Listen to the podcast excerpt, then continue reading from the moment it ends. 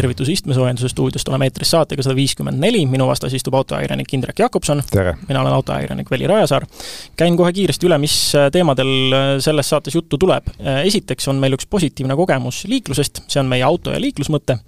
räägime kütuse rubriigis seekord hoopis elektrist, sest et on erinevaid põhjuseid, küll on etteheiteid ühele kodumaisele energiaettevõttele, küll on avatud uusi kiirlaadijaid Äh, räägime natuke ka naistepäeva nädalal sellest, et mis on toimumas naiste autodega. teada on näiteks äh, maailma naiste aasta auto ja üks huvitav uuring Ameerika Ühendriikidest. Äh, natukene Euroopast, alternatiivkütustest, veidike sellest, kuidas itaallased üritavad selles kontekstis eristuda. Mercedes on teinud ühe väga suure asja, mida pole eriti veel kusagil kajastatud ja pole ise ette jäänud, nii et räägime ära, mis nad tegid ja miks see oluline on kiikame ka Aasiasse ja nemad proovivad taastada särtsukate toetused, ostutoetused.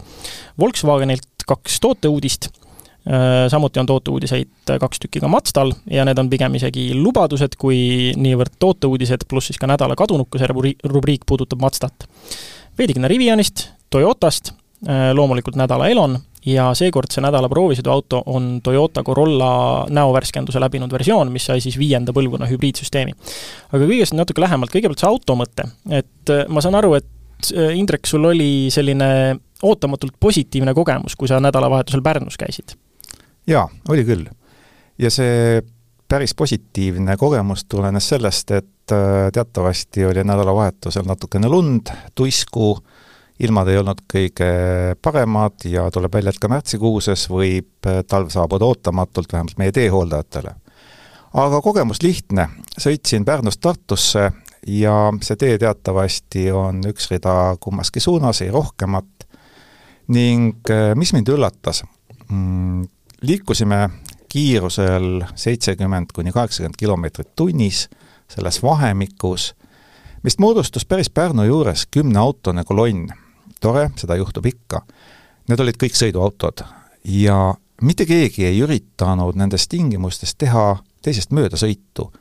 ehk äh, ühtlane liikumise kiirus, võib-olla imenatukene kõikudes, mitte palju, siis oleks see häirima hakanud. aga selline meenutus kõikidele liiklejatele, et talv ei ole veel läbi, meil on veel ilmateadet uskudes nii mõnigi lumetorm ees, liikuge rahulikult, liikuge eessõitja järel, hoidke pikki vahet ja uskuge mind, te jõuate kohale palju puhanunuma jah, see on, võib-olla see on seotud natuke ka meie ütleme siis lõunaosariikide erineva liikluskultuuriga üldsegi, et näiteks iga kord, kui mina Tartusse ära eksin, ma imestan ikkagi, kui rahulikud seal inimesed on Tallinnaga võrreldes. või kui sa eksid kusagile marsruutidele, mis ei ole põhilised Äh, meie ütleme, põhilised maanteed või riigist välja viivad teed, kus on alati närveldamist ja möödasõite kõike tuleb ette, olenemata ilmaoludest. et äh, tore, et leiub, leiab ka selliseid rahulikke liiklejaid, kes tõesti ei, ei kuku närveldama ja vehkima ja mööda sõitma ja, ja tõmblema ja siit võiks välja anda siis, ma saan aru, et enam-vähem kümmekond nädala liikleja tiitlit. ja ma võtaks siis ühe endale. no täiesti välja teenitult, aga järgmiseks vaatame, kuna meil kütuserubriigis on vedelkütuste hinnad suhteliselt stabiilsed olnud, siis neist pole mõtet pikka juttu teha, küll aga on mõtet rääkida särtsust. esiteks äh, selline ettevõte nagu Vonk, mis pakub laadimislahendusi, ma saan aru, et puutusid nendega kokku ja tuvastasid nii mõnegi puudulikkuse jah, neil on päris palju puudusi, alustades sellest, et neil puudub oma äpp, mis tundub tänapäeval juba täiesti standardne olevat. ei ole neil ka laadimiskaarti, mis on praegusel hetkel enamikul turul olijatel, nii et nende laadijate kasutamine, mis on uued, uhked, ilusad, on tehtud väga keeruliseks ja lisaks on neil kodulehel klienditeeninduse number, mis loomulikult ei vasta, proovisin ei päeval, ei öösel, ei hommikul, ei õhtul, miks see seal on, raske öelda. noh, ainukene järeldus on sellest, et äh, ilmselt äh, turg, kiirlaadijate turg on veel üsna hõre ja seal saab igatemoodi hakkama, et tõenäoliselt konkurents ei ole veel väga kõva no samas kiirlaadijatest rääkides siin äh, Circle ka näiteks avas äh, kolm kiirlaadijat eri kohtades Eestis, üks Mäos, üks Pärnus, üks Tartus, ja neil on veel plaanis enne suve avada kaks ülikiiret laadijat nii Irus kui ka Sikupillis Tallinnas, et äh, sul nende kolme kiirlaadijaga, ma saan aru, sa oled õnnestunud need, sul on õnnestunud need läbi käia ja neid isegi proovida juba? täpselt nii, ja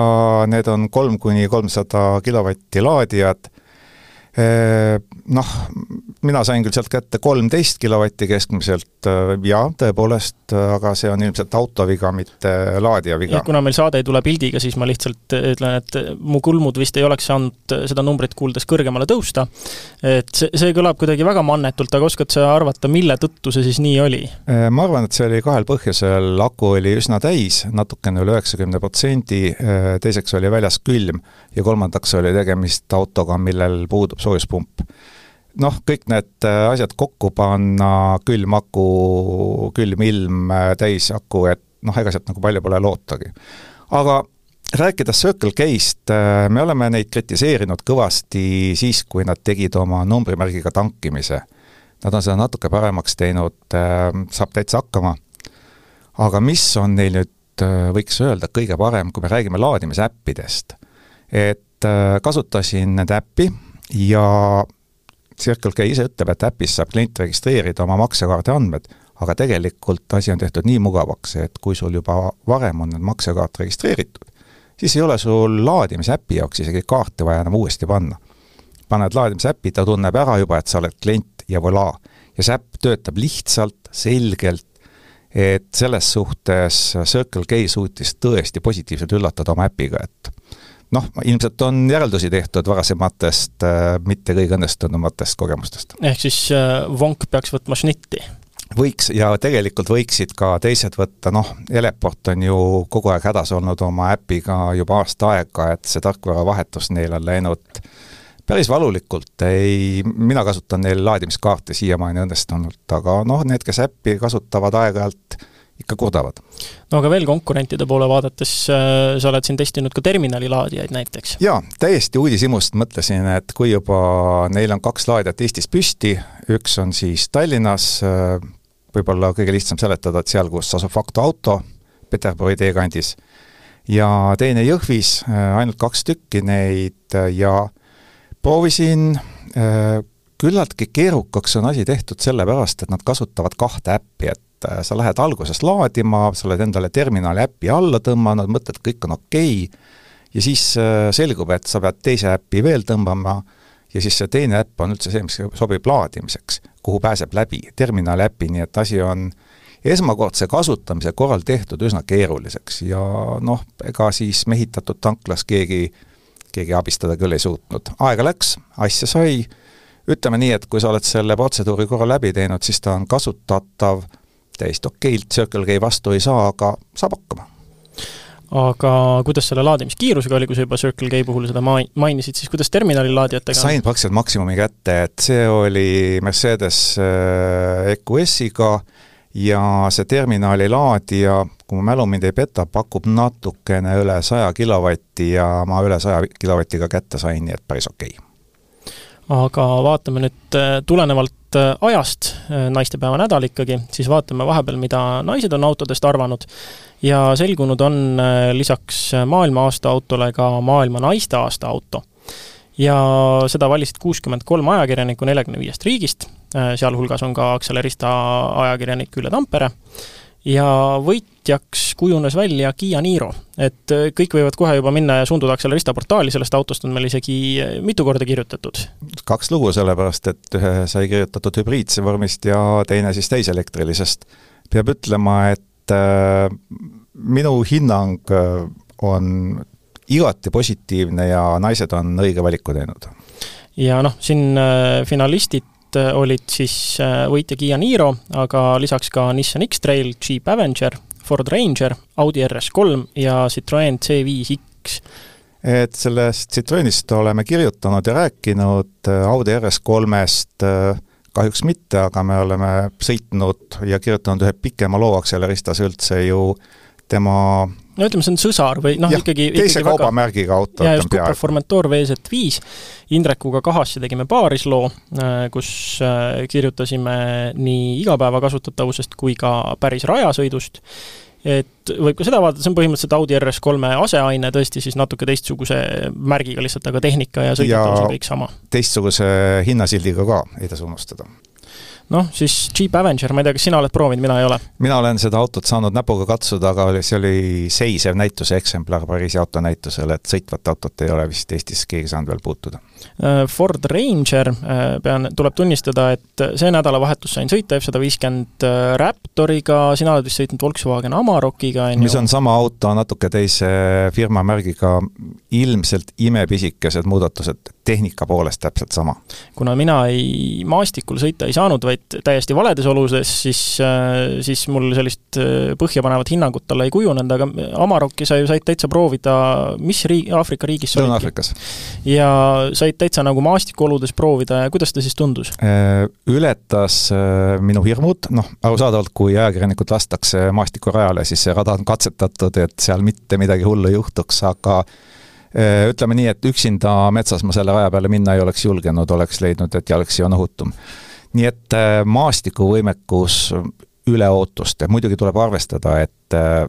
sellest autost on ainuüksi nelikveosüsteeme kaks tükki ja Eestisse tuleb selline tsiviliseeritum variant no sel teemal äh, natukese aja pärast saates räägime veel Volkswageni teemal, aga siis on meil siin nimistus ka Nissan X-Trail. jällegi, mina olen kunagi ammu mingit vana, vanemat versiooni proovinud, uut ei ole. no vanema versiooniga olen mina sõitnud pikalt ja palju, aga uut versiooni samamoodi mitte. ühesõnaga, maailma naise autoajakirjanike poolt väga huvitav ja mitmekülgne valim ja järgmiseks vaatame Ameerika Ühendriikidesse, kus äh, samuti pandi kokku üks naistekeskne uuring ja see on siis ähm, autobrändide ütleme siis, ostjate sooline jaotus, et äh, mis brändid on sellised, mida naised kõige rohkem eelistavad. ja noh, see on küll Ameerika-keskne uuring, aga jällegi põnevat infot leiab siit äh, igaüks, et äh, USA kahekümne viie parima automargi seas oli just äh, Buick see, mis naissoost ostjad, ostjaid kõige rohkem tõmbas. et tervelt viiskümmend viis protsenti kahe tuhande kahekümne teisel aastal müüdud Buickitest äh, registreeriti naistele et äh, Mitsubishi oli teisel kohal viiekümne ühe koma nelja protsendiga, Mini viiskümmend üks koma üks, Lexus viiskümmend koma neli ja siis allapoole juba naisostjad jäid vähemusse, Infiniti, Mazda ja Kiia. aga samas tasub tähele panna, et kui keskmisest rääkida, siis naised ostsid nelikümmend üks koma kaks protsenti autodest, mehed viiskümmend kaheksa koma kaheksa, nii et äh, need autod, mis naistele läksid, on ikkagi no nad on ikka üle, peajagu, peajagu üle. aga mis on jällegi need brändid, mida naised kõige vähem eelistasid no,? no siin ei ole üllatust yeah. tegelikult, et kui nüüd loogiliselt mõelda, siis no mis võiks olla see, mis naistele kõige vähem meeldib? no need üldiselt niisugused pigem nagu tillipikenduse mainega automärgid, et äh, läks tõesti nii, et suur kogukas mölakas Ram oli see bränd, millel oli vaid seitseteist protsenti olid naisostjad teisele kohale tagantpoolt platseerub siis GMC, mis siis äh, sai endale naissoost ostjaid kakskümmend kaheksa koma seitse protsenti, mis tegelikult tundub sellise kolaka kohta päris suur number. jah, see on nii massiivne, et sellele tõenäoliselt oleks C-katti vaja juhiloale. kolmkümmend üks koma üks protsenti oli Ford, mis, mis natukene mind üllatab samamoodi, et äh, Fordil on ju ometi, äh, ma, mulle ei tundu, et nad ajavad nagu väga sellist äh, mehist brändipoliitikat ja turundust. ei ole, et Ford on ju väga palju väikeautod ja ka Ameerika turul on Fordil väga mõistlikku valikut naistele. aga et... võib-olla me olemegi siin liiga stereotüüpides kinni, et praeguseks on juba see keskmine mees see, kes tahab sellist väikeautot endale ka pole võimatu, aga järgmine Tesla kolmkümmend kolm koma üks protsenti ehk siis alla kolmandiku naised ja see stereotüüp on tegelikult küll, sest kui sa hakkad mõtlema enda ümber, mitu naissoost Tesla omanikku sa tead? Ja kui palju on neid, või kui sa vaatad mingites elektriautode foorumites ringi, siis äh, kas on mõni naine, kes taob endale uhkelt rusikaga vastu rinda või on ikkagi on küll kõige..., üks, üks on, ma tean. jah, no vot, et ülejäänud kõik, kes seal, kes seal ikkagi vokaalsed ja häälekad on, kipuvad olema mehed. et selle koha pealt väga, väga suurt üllatust ei ole ja kolmkümmend kolm koma üheksa protsenti siis äh, Dodge, mis on, no ütleme jah, nemad on ka sellise pigem mehise mainega bränd, et kas muskel või siis äh, suured autod kuigi neil on ka natukene väiksemaid, aga nende bränd on ilmselt jah, üles ehitatud sellise kandilise, raske, maskuliinse poole kalduva kuvandiga, et noh, see on pigem kuvandi küsimus. aga vaatame natuke absoluutnumbreid ka, siis siin joonistub välja täiesti teistsugune pilt. no esikohal võiks küll arvata, et uuringu tehtud Eestis ei ole, Ameerikas esikohal on Toyota, kuussada kuus tuhat ja üheksasada kaheksakümmend viis autot registreeriti naiste poolt ja see on peajagu üle siis teisel kohal olevast Hondast kolmsada kuuskümmend kolm tuhat millegagi, Chevy kolmsada nelikümmend üks tuhat ja siis tulevad Ford ja Hyundai. et täiesti tüüpilised, harjumuspärased, mõistlikud autod et selles suhtes võiks öelda, et naiste valikud on üsna pragmaatilised, harjumuspärased, ei ole Ameerikas teistsugused midagi, lihtsalt kui võtta protsente autodest, ilmselgelt Toyotat müüakse tunduvalt rohkem ka kui mõnda teist väiksemat konkurenti. ja huvitaval kombel avastas see uuring ka seda, et äh, naissoost ostjad kipuvad olema umbes nelja protsendi võrra lojaalsemad ühele kaubamärgile ja noh, eelistavad ka turvalisust ja edasimüüjate kogemusi kuulavad rohkem kui mehed. et noh, mehed ikka nagu isepäiselt lähevad, et nemad ikka teavad paremini. jaa, aga naised tahavad ilmselt minna ja rääkida ja võib-olla kuulata ja kui see tundub neile usaldusväärne, siis nad selle ostuotsuse ka teevad ja eh, kui me rääkisime, et esikoha võttis puik, siis sellel on väga selge põhjus, neil on oma naiste jaemüügivõrk ehk siis mida see täpsemalt siis tähendab? see tähendab seda, et neil on jaemüüjad, mis koosnevad naissoost edasimüüjatest ja osakonna juhatajatest, et täielik networking meenutab natukene juba võrkturundust, ei taha halba mm, võib-olla võrkturundusel on ju selline halb maik, märk mandra. jah, jah, jah, on, aga turundusliku lähenemise mõttes see, see selline naiste eraldi nagu kett on äh, iseenesest, mul ei tulegi ette teist tootjat, kellel päris niimoodi oleks. väga hea mõte ja töötab. Aga vaatame edasi, saate alguses äh, vihjasin, et äh, Mercedes on saanud hakkama ühe asjaga, mis veel ei ole väga laialt levitatud uudistes, aga kui me räägime siin isejuhtimisest, siis ju esimesed brändid, kes meelde tulevad, ikkagi on need, kes on jällegi kõige häälekamad, nagu Tesla, on ju, või BID või Xpeng või kõik need, kellest on kogu aeg väga palju oodatud, aga Mercedes tegi lihtsalt teoks seda, mida on öeldud, et nad on teistest väga-väga palju ees. noh, kui me siin veel äh, tuletame meelde, siis Tesla autopilot ja full self-driving ei ole tegelikult ju midagi muud kui teise taseme juhi abilised äh, või siis nad, nad lihtsalt abistavad juhti, aga juht peab olema täielikult äh, kogu tähelepanuga sõitmise juures, aga Mercedes-Benz on hoopis esimene autotootja, kes on maailmas saanud siis sertifitseeritud kolmanda taseme autonoomsuse juhi, autonoomsusega juhi abilised? no see on küll väga piiratud äh, tingimustes, sest nad said seal ainult Nevada osariigis Ameerika Ühendriikides. Äh,, seal on teatud piirangud veel juures, seal on kiirusepiirangud, ehk et äh, jah, päris laialt ta seda rakendada ei saa, aga põhimõtteliselt revolutsioon on tehtud, esimene auto on saanud ametlikult kolmanda taseme õiguse ja no mida see tähendab, see tähendab, et juht võib täiesti ametlikult tegeleda millegi muuga, et ei saa süüdistada, juht vahtis mujale või tegeles millegi kõrvaliste asjadega, kui pauk käis, jah, ta tohibki seda teha, ja loomulikult see auto oskab teha kõrvalepõikavaid manöövreid, hoida ohutut kaugust, et äh, järgmisena kavatseb Mercedes viia selle Californiasse, ma usun, et ta saab seal ka selle õiguse ja eks ta siis niimoodi tasapisi laieneb, et noh, praegusel hetkel loomulikult on tegu nišifunktsiooniga, aga kui me vaatame, kuidas muud asjad on laienenud madalama tasemise juhtivused, siis no vast... keegi peab esimene olema selles, on ju? jah, keegi peab esimene olema, kas viie aasta pärast ta on Euroopas juba laialt levinud, no ei ole pädev ennustama. jah, vara, vara on veel ennustada. Nevadas ka tohivad nad hetkel sõita kuni nelikümmend miili tunnis, mis on siis kuuskümmend üks, kuuskümmend kaks kilomeetrit tunnis umbes. et aga loodetavasti nad saavad siis äh, järgmistesse kohtadesse laienedes jällegi natuke ka laiema loa. Ja noh, California teadagi oma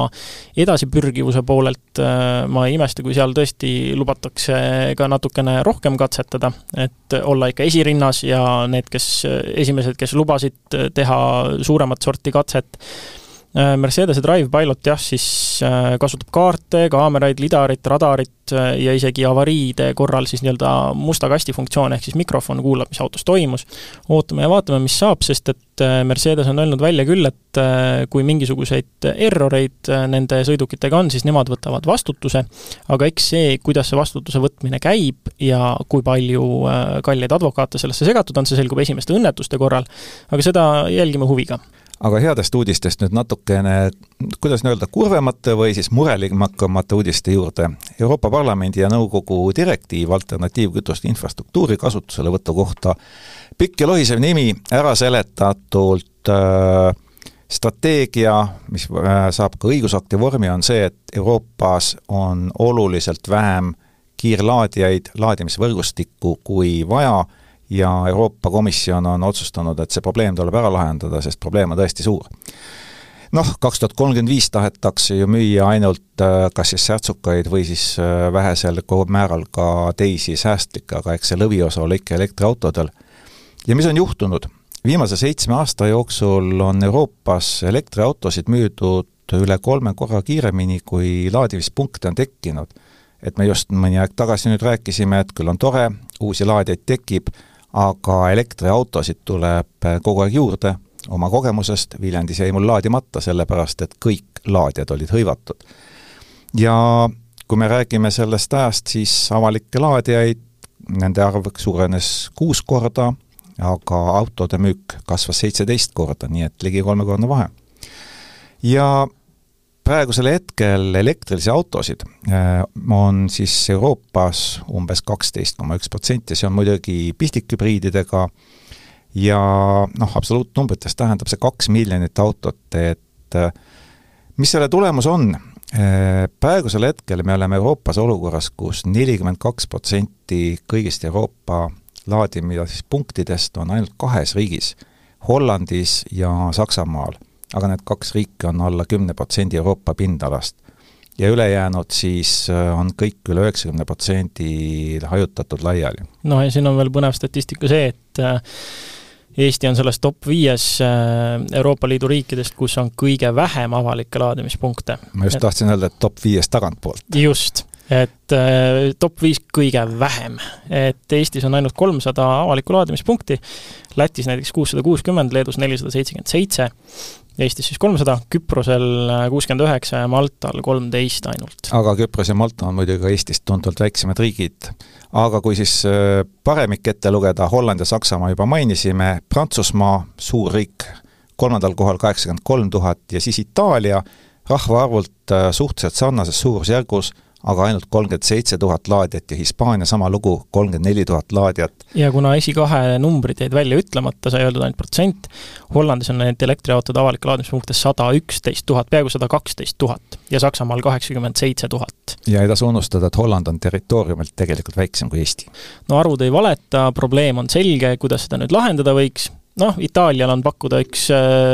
noh, kui see läbi läheks, siis kindlasti töötav lahendus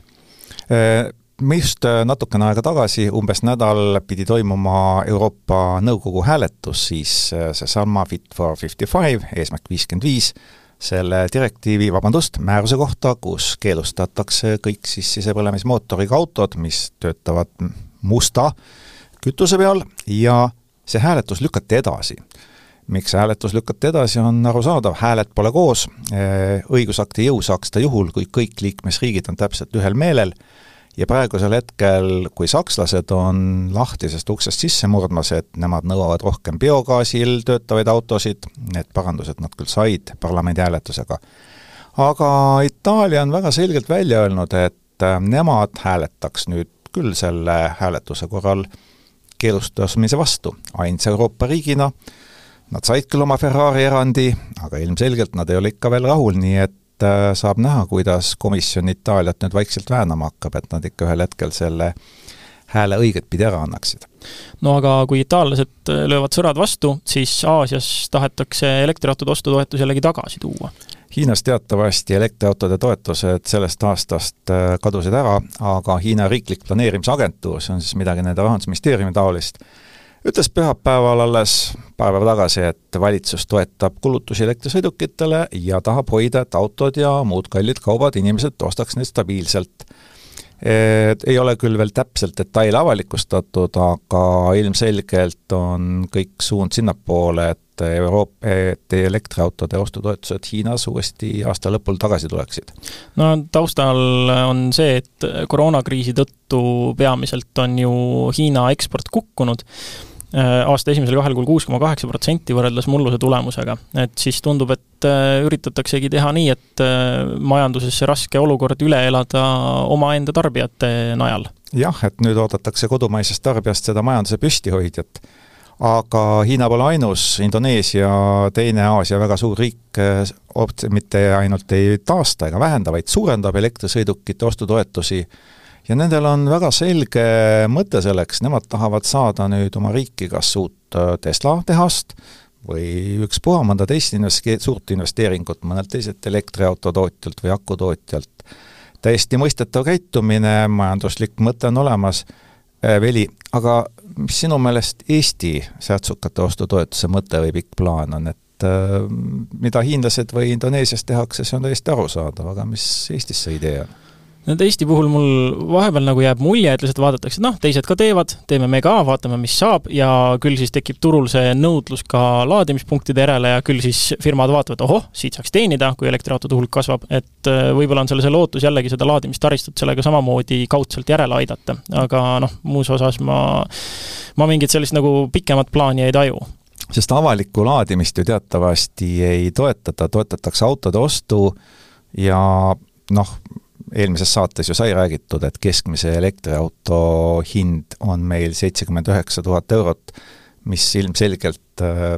toetust ei vaja ja jah, mis see nii kallist uut autot ostes enam see viis tuhat seal siia-sinna ära on, et see on mingisuguse väikse mingi multimeediapaketi hind võib-olla, et äh, väga, väga tõenäoliselt ei aita ja silma pilgutama ei pane. aga vaatame, mida teeb Rivian, äh, oleme siin paaris eelnevas saates maininud, et et äh, neil on majanduslikult äh, veidike kehva, aktsia pikas perspektiivis kukkus päris palju, kolmteist protsenti, et äh, nemad nüüd on otsustanud minna hoopis võlakirjadega seda asja lahendama. Jah, Rivian teatas eile, me teeme sa-, seda saadet praegu teisipäeval, ehk siis esmaspäeval teatas, et nad toovad turule aasta kaks tuhat kakskümmend üheksa tähtajaga vahetusvõlakirjad, mis siis ära seletatult tähendab seda, et kui tähtaeg kukub, siis saab need võlakirja omanikud oma võlakirjad vahetada aktsiate vastu. ja Rivian väidab, et tegemist on kõige parem võimalus kapitali kaasamiseks, tunduvalt parem kui praegusel hetkel aktsiaid müüa, arusaadavalt see hinnatase ei ole väga okei okay. ja mis nad teha tahavad, teatavasti kavatseb Rivian turule tuua pisut väiksema sõiduki perekonna, R2 platvormiks seda kutsutakse et praegu on neil üks kastikas, üks maastur, mõlemad päris suured ja kallid, nüüd tahetakse tuua turule pisut teistsugust. ja need, kes ei mäleta, siis Rivian tootis eelmisel aastal pisut-pisut alla kahekümne viie tuhande auto, aga tänavu on lubanud toota viiskümmend tuhat. Turule see number muidugi ei meeldinud, sest turg ootas kuuskümmend tuhat ja saatis aktsia järjekordselt allapoole ja turule ei meeldinud ka jutt võlakirjaemissioonist, aga Rivian saab siiamaani hakkama, kuigi aktsiad on soodusmüügil, aga eks julged ostavad ja kes nii julged ei ole, need vaatavad kõrval no ja kes veel kindlasti rahul ei ole, on ka need kuus protsenti Riviani tööjõudu, kes eelmisel kuul koondati, et selge on see, et kapital on äh, nende jaoks ikkagi probleem. aga vaatame vahelduseks nüüd Rivianile ka Volkswagenit, äh, neilt on kaks tooteuudist, üks on uus ID3 ja teine on see, et nad alustasid oma, Amaroki tellimuste vastuvõtmist no uueks seda ID3-e tegelikult võiks nimetada ainult turundus, turundusdokumentides, ütleme siis niimoodi, sest tegelikult on ta eelmisega võrreldes ikka üsna-üsna sarnane, tehniliselt täpselt sama, natuke on siit-sealt lihvitud, ütleks nelja sõnaga väljast teravam, seest ümaram, aga ega seal muud palju muutunud ei ole, tarkvara väidetavalt on täiuslikum, mäletatavasti kui meie testisime seda autot, siis kõige suurema kriitika saigi tarkvara, mis oli lihtsalt poole peale arendatud, auto oli välja toodud. nüüd on ta siis kõige uuem tarkvara käes ja esimene autoga, mis siis saab kohe uuendusi üle õhu, aga ega suuri muudatusi tegelikult ei ole, et ID3 on tehniliselt võttes ikka ID3, mootor on sama, platvorm on sama, veoskeem on sama, et ega sealt suuri uudiseid ei ole. ja Amaroki puhul siis Eestis algab äh, hind viiekümne neljast tuhandest ühesaja üheksakümne viiest eurost ja Baltimaade turule tuleb Amarok äh, ainult kolmeliitrise turboga varustatud V6 diiselmootoriga, äh, numbreid natuke veel, kakssada nelikümmend hobujõudu ehk sada seitsekümmend seitse kilovatti, kuussada Newtonmeetrit pöördemomenti ja ainult paaritatud kümnekäigulise automaatkäigukastiga. ja no põhivarustuses on loomulikult ka nelikvedu 4Motion ehk siis tegelikult tähendab see seda, et äh, Amarokist on üks mootor, mis on täpselt ühes seades, üks käigukast, üks äh, veoskeem ja ainukene asi, mida saab valida, on värv ja siis ka varustustase. ja hind, noh, suhteliselt mõistlik selle kalli auto kohta. Aga vaatame Mazdat vahelduseks. Äh,, lubatakse juba kahe tuhande kahekümne kolmanda aasta lõpuks CX kaheksakümmend CX kaheksakümmend on auto, millest me oleme vist juba aasta tagasi unistanud, et äh, see saab olema siis Euroopa turul kõige suurem Mazda ja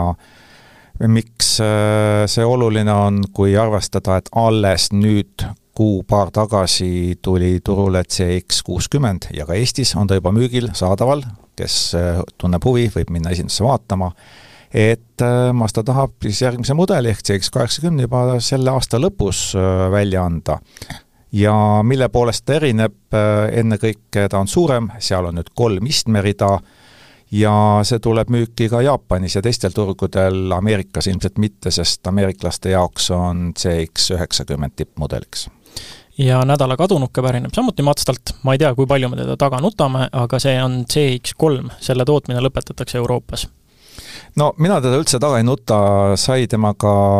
lühike proovisõit tehtud ja isu selle auto järele kadus igavesti, et noh, ta on säästlik, ta on vastupidav, aga tema viimistluse tase on ikka selle hinna eest liiga spartalik, et ilmselgelt ostjad andsid oma hinnangu ja Mazda on sunnitud tegema seda, mis vaja, ehk et tooma turule pisut mugavamaid ja mõnusamaid autosid, kui juba nii palju raha küsida no ma ütlen ausalt, et äh, ma isegi ei mäleta, kas ma olen CX3-ga sõitnud ja sellel võibki olla kaks põhjust, üks on see, et ma ei sõitnud ja teine on see, et see oli nii unustamisväärne kogemus, et ei, ei kinnistunud mulle kusagile mällu. igatahes me ei ole mitte midagi sellega kaotanud, et see auto vaikselt äh, ajaloost lahkub. aga uuendusi, uudiseid Toyotalt, äh, Grand Highlander, kinnitatud, tulebki? tulebki ja rääkisime alles ju mõni aeg tagasi, et oleme näinud selliseid spioonifotosid, kus on auto väga Toyota Highlander moodi, ei tea, kas tuleb, ja nüüd ongi öeldud, et Highlander, mis siis on juba Euroopas müügil, on Eestis müügil vist kaks aastat, kui mälu ei peta, oleme sõitnud, oleme väga rahul, noh, ei ole päris selline suur robustne maastur, nagu on seda siiani see, kuidas nüüd öelda, ehitajate lemmikauto äh, aga ta on tsiviliseeritum, ta on hübriid, ainult hübriidina teda Eesti, Eestis ja ka Euroopas müüaksegi, ja noh, kahe aastaga pool miljonit Highlanderit ära müüdud. Ja nüüd siis äh, lubatakse, et järgmisel aastal tuleb ka Grand Highlander. no ega seal väga palju muutunud ei ole, kolmas istmerida, mis oli varem selline noh, laste jaoks paras, nüüd on täiemõõduline ja, ja kolm mootorit, baasmootor, kahe koma nelja liitrine bensiinimootor ja siis tuleb ka kahe koma viie liitrine hübriid ja kõige võimsam hübriid siis lausa kolmsada kuuskümmend kaks hobujõudu. kõik on saadaval esiveolisena, nelikveolisena, mida me ei tea ainsana, on see, et kui palju ta maksma hakkab ja kas Euroopasse tuleb. no loodame, et tuleb, sest arvestades, et tegu on hübriidiga, siis võib ju loota, et hübriide ikka lubatakse hüppame nüüd nädala elani juurde, eelmises saates rääkisime, et Äh, on äh, kohe-kohe tulemas, täpselt natuke aega pärast saate salvestamist ja ülespanekut Tesla investorite päev. see toimus ära, äh, vaatame, millega me täkkesse panime, aga üldiselt võib öelda, et ähm, oli natukene mm, pettumust valmistav. jah, ma tahtsin öelda, et kui võiks kolme tähega selle kokku võtta, siis see oleks meh. et no, oli, oli pettumus, et kui rääkisime, et varasemad masterplanid, seal olid uued mudelid, tohutud eesmärgid, okei okay,, oli see juhtiv tehnika, mida veel ei ole, siis masterplaan tegelikult ei sisaldanud endas midagi uut, et seal olid väga kõlavad sõnad selle kohta, kuidas kõik on roheline, säästlik, aga seda räägivad tänapäeval kõik. et äh, seal puudus selline tõsine uudisväärtus puudus ka ju mudeli teadaanne, mida me ootasime. jaa, me ootasime, isegi internetis näidati peeneid renderdusi, mis kõik võiks olla Model kaks, mida ei teatatud ja noh, eh, nii need asjad ei peaks ju käima, sest investoripäevad ei ole kohustuslikud nagu aastaaruande esitamine, et ettevõtted teevad seda ikka sellepärast, et tekitada entusiasmi, et eh, seekord ei õnnestunud. ja kui rääkida üldse sellest, et eh, mis siis nagu paika pandi, ainukene ametlik tõsine teadaanne oli see, et Gigafactory tuleb järgmine. ja see tuleb Mehhikosse, see tuleb Monterey juurde, et varem ju räägiti küll Kanadast, küll veel teistest riikidest, et nüüd on asukoht paigas, aga see ei ole nagu väga tõsine konkurentsieelis, sest ega Mehhikos on ju Tesla teistelgi konkurentidel tehaseid. aga see on ka jääb ainuke kindel fakt ja, ja mis me veel teame küll mitte samast päevast, aga järgmistest infokildudest, et äh, Model kaks tuleb, aga väga suure tõenäosusega ta ei tule nimega kaks. mis nimega tuleb, ei tea, aga Tesla turunduse kohaselt kindlasti mitte, et see kolm oli pigem nagu E-täht selles nimereas, kus oli veel S, kolm, X ja Y kahel seal kohta ei ole, nii et noh, vaatame, mis selle, mis sellest saama hakkab. no ja mis veel teada sai, ähm, noh, kuigi ta võis olla fännidele pettumus, siis äh, ennustused käesolevaks aastaks on pigem positiivsed, lubatakse hinnanguliselt üks koma kaheksa miljonit autot toota ja nad kinnitasid, et nende pikaajaline eesmärk on siis alates kahe tuhande kolmekümnendast aastast äh, müüa aastas kakskümmend miljonit autot. meenutame, et äh, maailma kaks, ehk siis Toyota ja Volkswagen müüsid äh, eelmisel aastal, Volkswagen vähem, Toyota rohkem, pisut üle kümne miljoni. see on väga ambitsioonikas eesmärk. aga liigume nüüd siit Tesla juurest Toyota juurde, millel tuleb ka meie selle nädala proovisõiduauto ja selleks, nagu juba öeldud, on Toyota Corolla. Veli sõitis sellega ja minul on siis võimalus esitada talle mõned küsimused hakkame kohe pihta kõige tähtsamatest asjadest, äh, mis mootor, mis veoskeem ja kui palju see lõbu maksab? Äh, Toyotal nüüd Corolla puhul siis ähm, kõige suurem uuendus on äh, nii-öelda peidus kere all, et noh, väljast ikkagi mudeli värskendusele kohaselt nipet-näpet, sõitjate ruumis nipet-näpet, aga mootoritest pakutakse nüüd kahte sisepõlemismootorit, mõlemad on hübriidid loomulikult on ühe koma kaheksa liitrine, mis pakub äh, umbes sada nelikümmend hobujõudu ehk sada kolm kilovatti ja on kaheliitrine, mis pakub siis peaaegu kakssada hobujõudu, sada nelikümmend neli kilovatti. ja mõlemad on nüüd siis äh, Toyota viienda põlvkonna hübriidsüsteemid, ehk siis äh, nagu lubatud noh, nagu oodata võiks, siis veelgi efektiivsemad, siit-sealt optimeeritud, kergemad ja nii edasi ja nii tagasi. et noh, üritusel, kus ma käisin, olid kohal loomulikult ka insenerid ja seal visati siis õhku selliseid numbreid nagu näiteks see, et akupakk on eelmisest neliteist protsenti kergem ja samas neliteist protsenti mahutavam, kõik, et auto on vaiksem, uus jahutussüsteem, et noh, sellised ütleme, quality of life asjad pigem, et autoga on mõnusam sõita ja säästlikum sõita. aga kui sa nüüd omaenda hinnangu annad, et sa ju sõitsid, kas auto tundus vaiksem või vähemasti vaikne, kas auto tundus mõnusam kui teised autod samas klassis, golfklassis saame rääkida, ei saa öelda Corolla klassis, ja kui ruumikas ta oli, kas on sisemuses piisavalt ruumi, kui suur pakiruum on, kuidas seal sees olla on? Äh, nüüd on uuest Corollast kolm keretüüpi, on luukpära, on sedaan ja on universaal. Äh, hinnaklassid neil kõigil on nii, et äh, kui luukpära sedaan algavad kusagil kahekümne kaheksast tuhandest, siis universaal on natuke kallim, kahekümne üheksa keskele. ja need on kõik hübriidid, eks ole? just, just, ja ainult kõigile saad siis valida ühte-kahest mootorist ja kõik on siis CVT kastiga paaritatud. Äh, sõiduelamuse mõttes proovisõit toimus Malagal, esimene küsimus mul äh, marsruudi valikul, noh, oligi nii, et sa läksid autot võtma hommikul, siis said küsida, mis marsruuti tahad, ma küsisin kohe, milles on kõige rohkem mägiteid ja kurve. Sõitsin läbi kõik kered, kõik äh, mootorid, veoskeemiks on muidugi ainult esivedu, ja proovisin siis, et kuidas, kuidas nad käituvad ka sellistel kiirematel suunavahetustel, kitsamatel mägiteedel, noh, maanteesõit oli loomulikult ka sees, vaikuse osas saan öelda, et kusagil kusagil saja kahekümnest kilomeetrist tunnis alates on ikkagi, eks seda rehvimüra on ikka kuulda, aga mitte midagi häirivat. üks asi, mis mind väga positiivselt üllatas, oli see, et CVT kasti äh, tarkvara on niimoodi ümber tehtud, et äh, ütleme, kõik, mis jääb alla kolmveerand gaasi, mis on tegelikult ju tavaoludes enamus sõitmist, seal ei ole seda CVT kastile omast mootori kraunutamist kogu aeg. seda kummipaela efekti? kummipaela efekt on ikkagi alles, seda ei ole, seda maagiat ei ole nad suutnud teha, et seda nagu täiesti eemaldada, CVT jääb CVT-ks,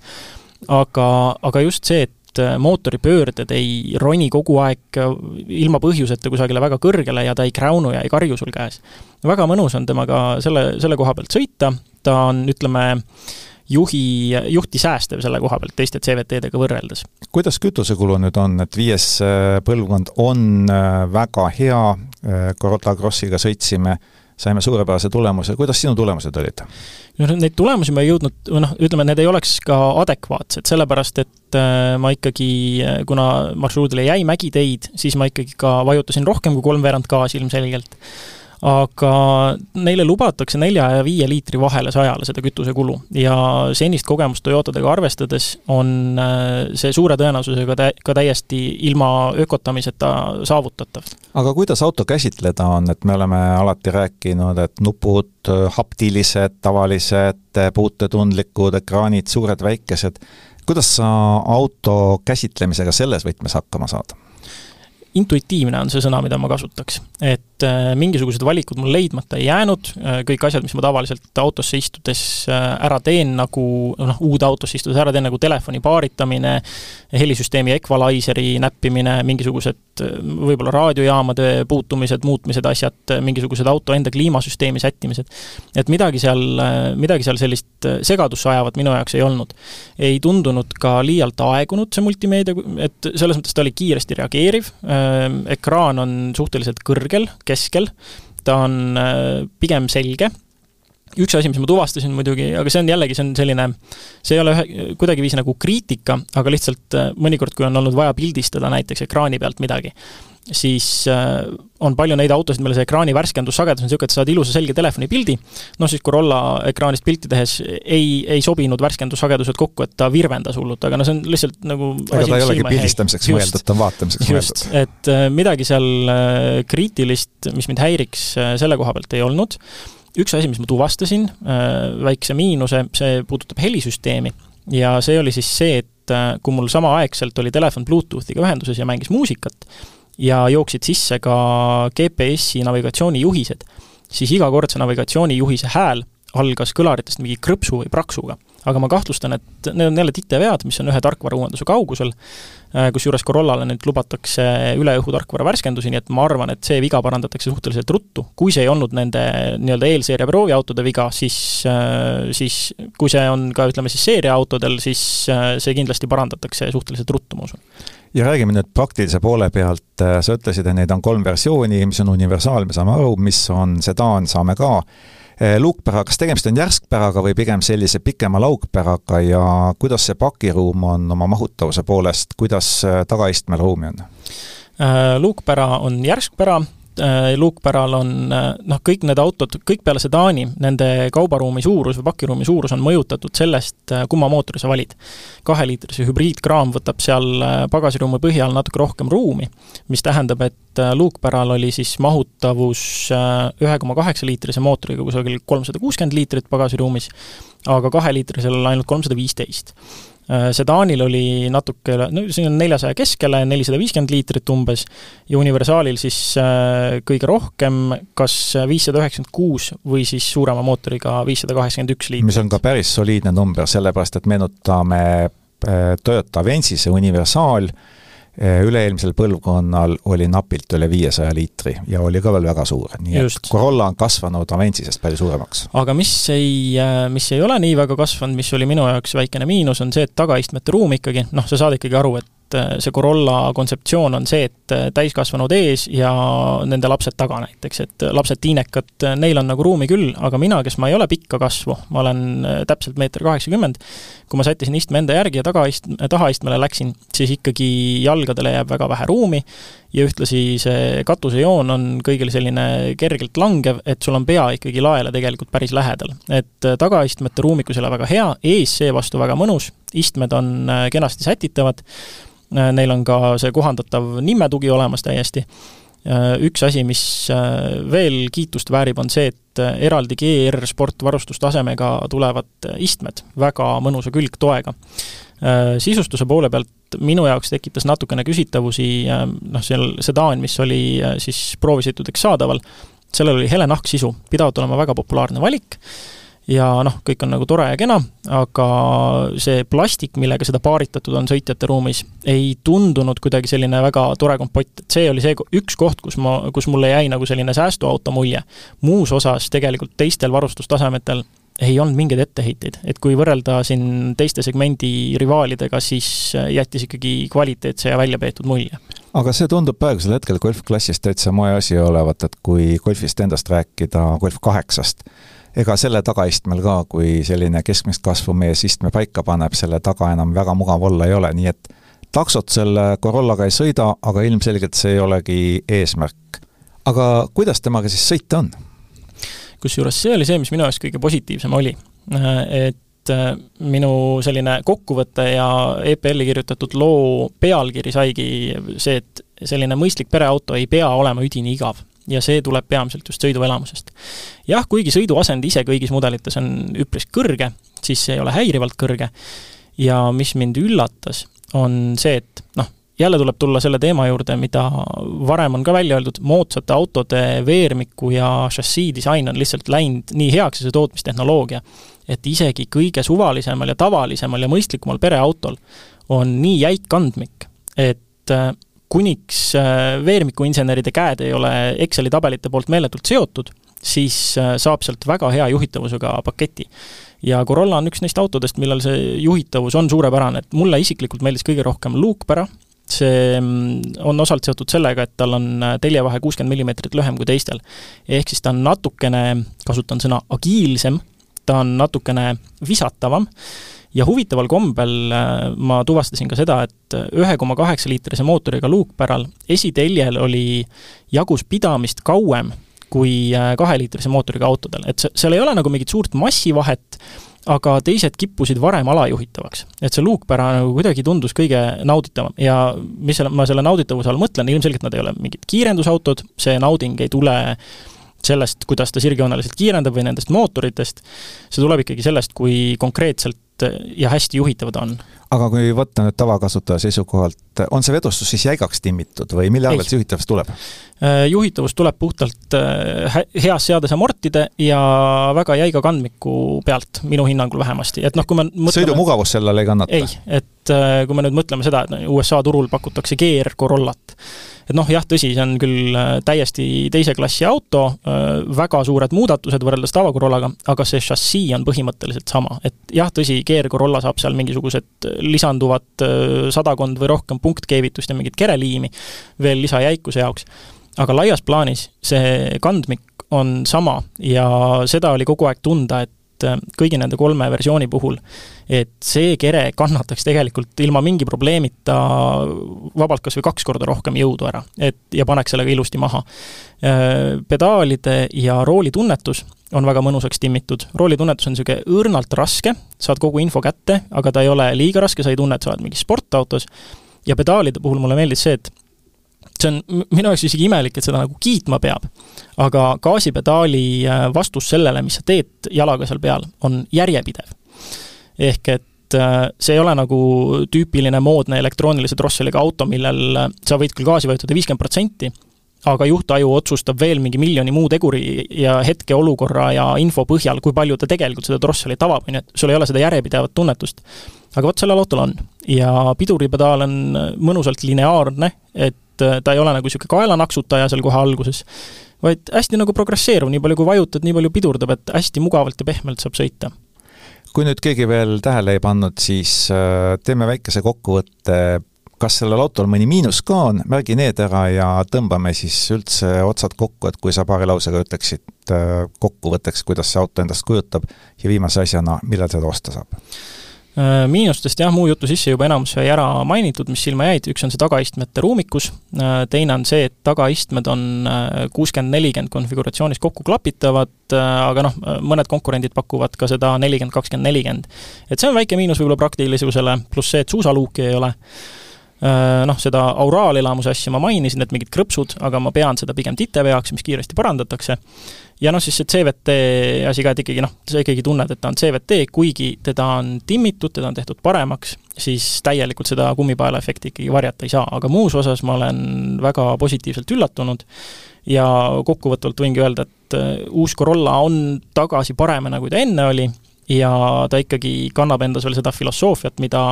nüüd enam mitte firma presidendina töötav Akio Toyota on juurutanud, et no more boring cars täitsa õigetes äh, olukordades, õigetest kohtadest pigistades saab naeratuse näole, see on minu jaoks väga tugev argument ja Euroopas lubatakse, et ta tegelikult nüüd siin selle esimese kvartali lõpus juba tulebki müügile, Eesti osas veel täpselt ei tea, no ja kes täpsemalt lugeda tahab, siis äh, Eesti Päevalehte peaks selle nädala jooksul see arvustuslugu üles tulema, Facebooki Aksel Rista lehele kindlasti lingin seda, saab lähemalt vaadata ja ka hinnakirjadega ja muude tehniliste andmetega tutvuda. Aga selline oli meie saade sada viiskümmend neli ja tänan kõigile kuulajatele, kes siiamaani kuulasid ja loodan, et kuulate meid ka järgmine kord. Kuulmiseni!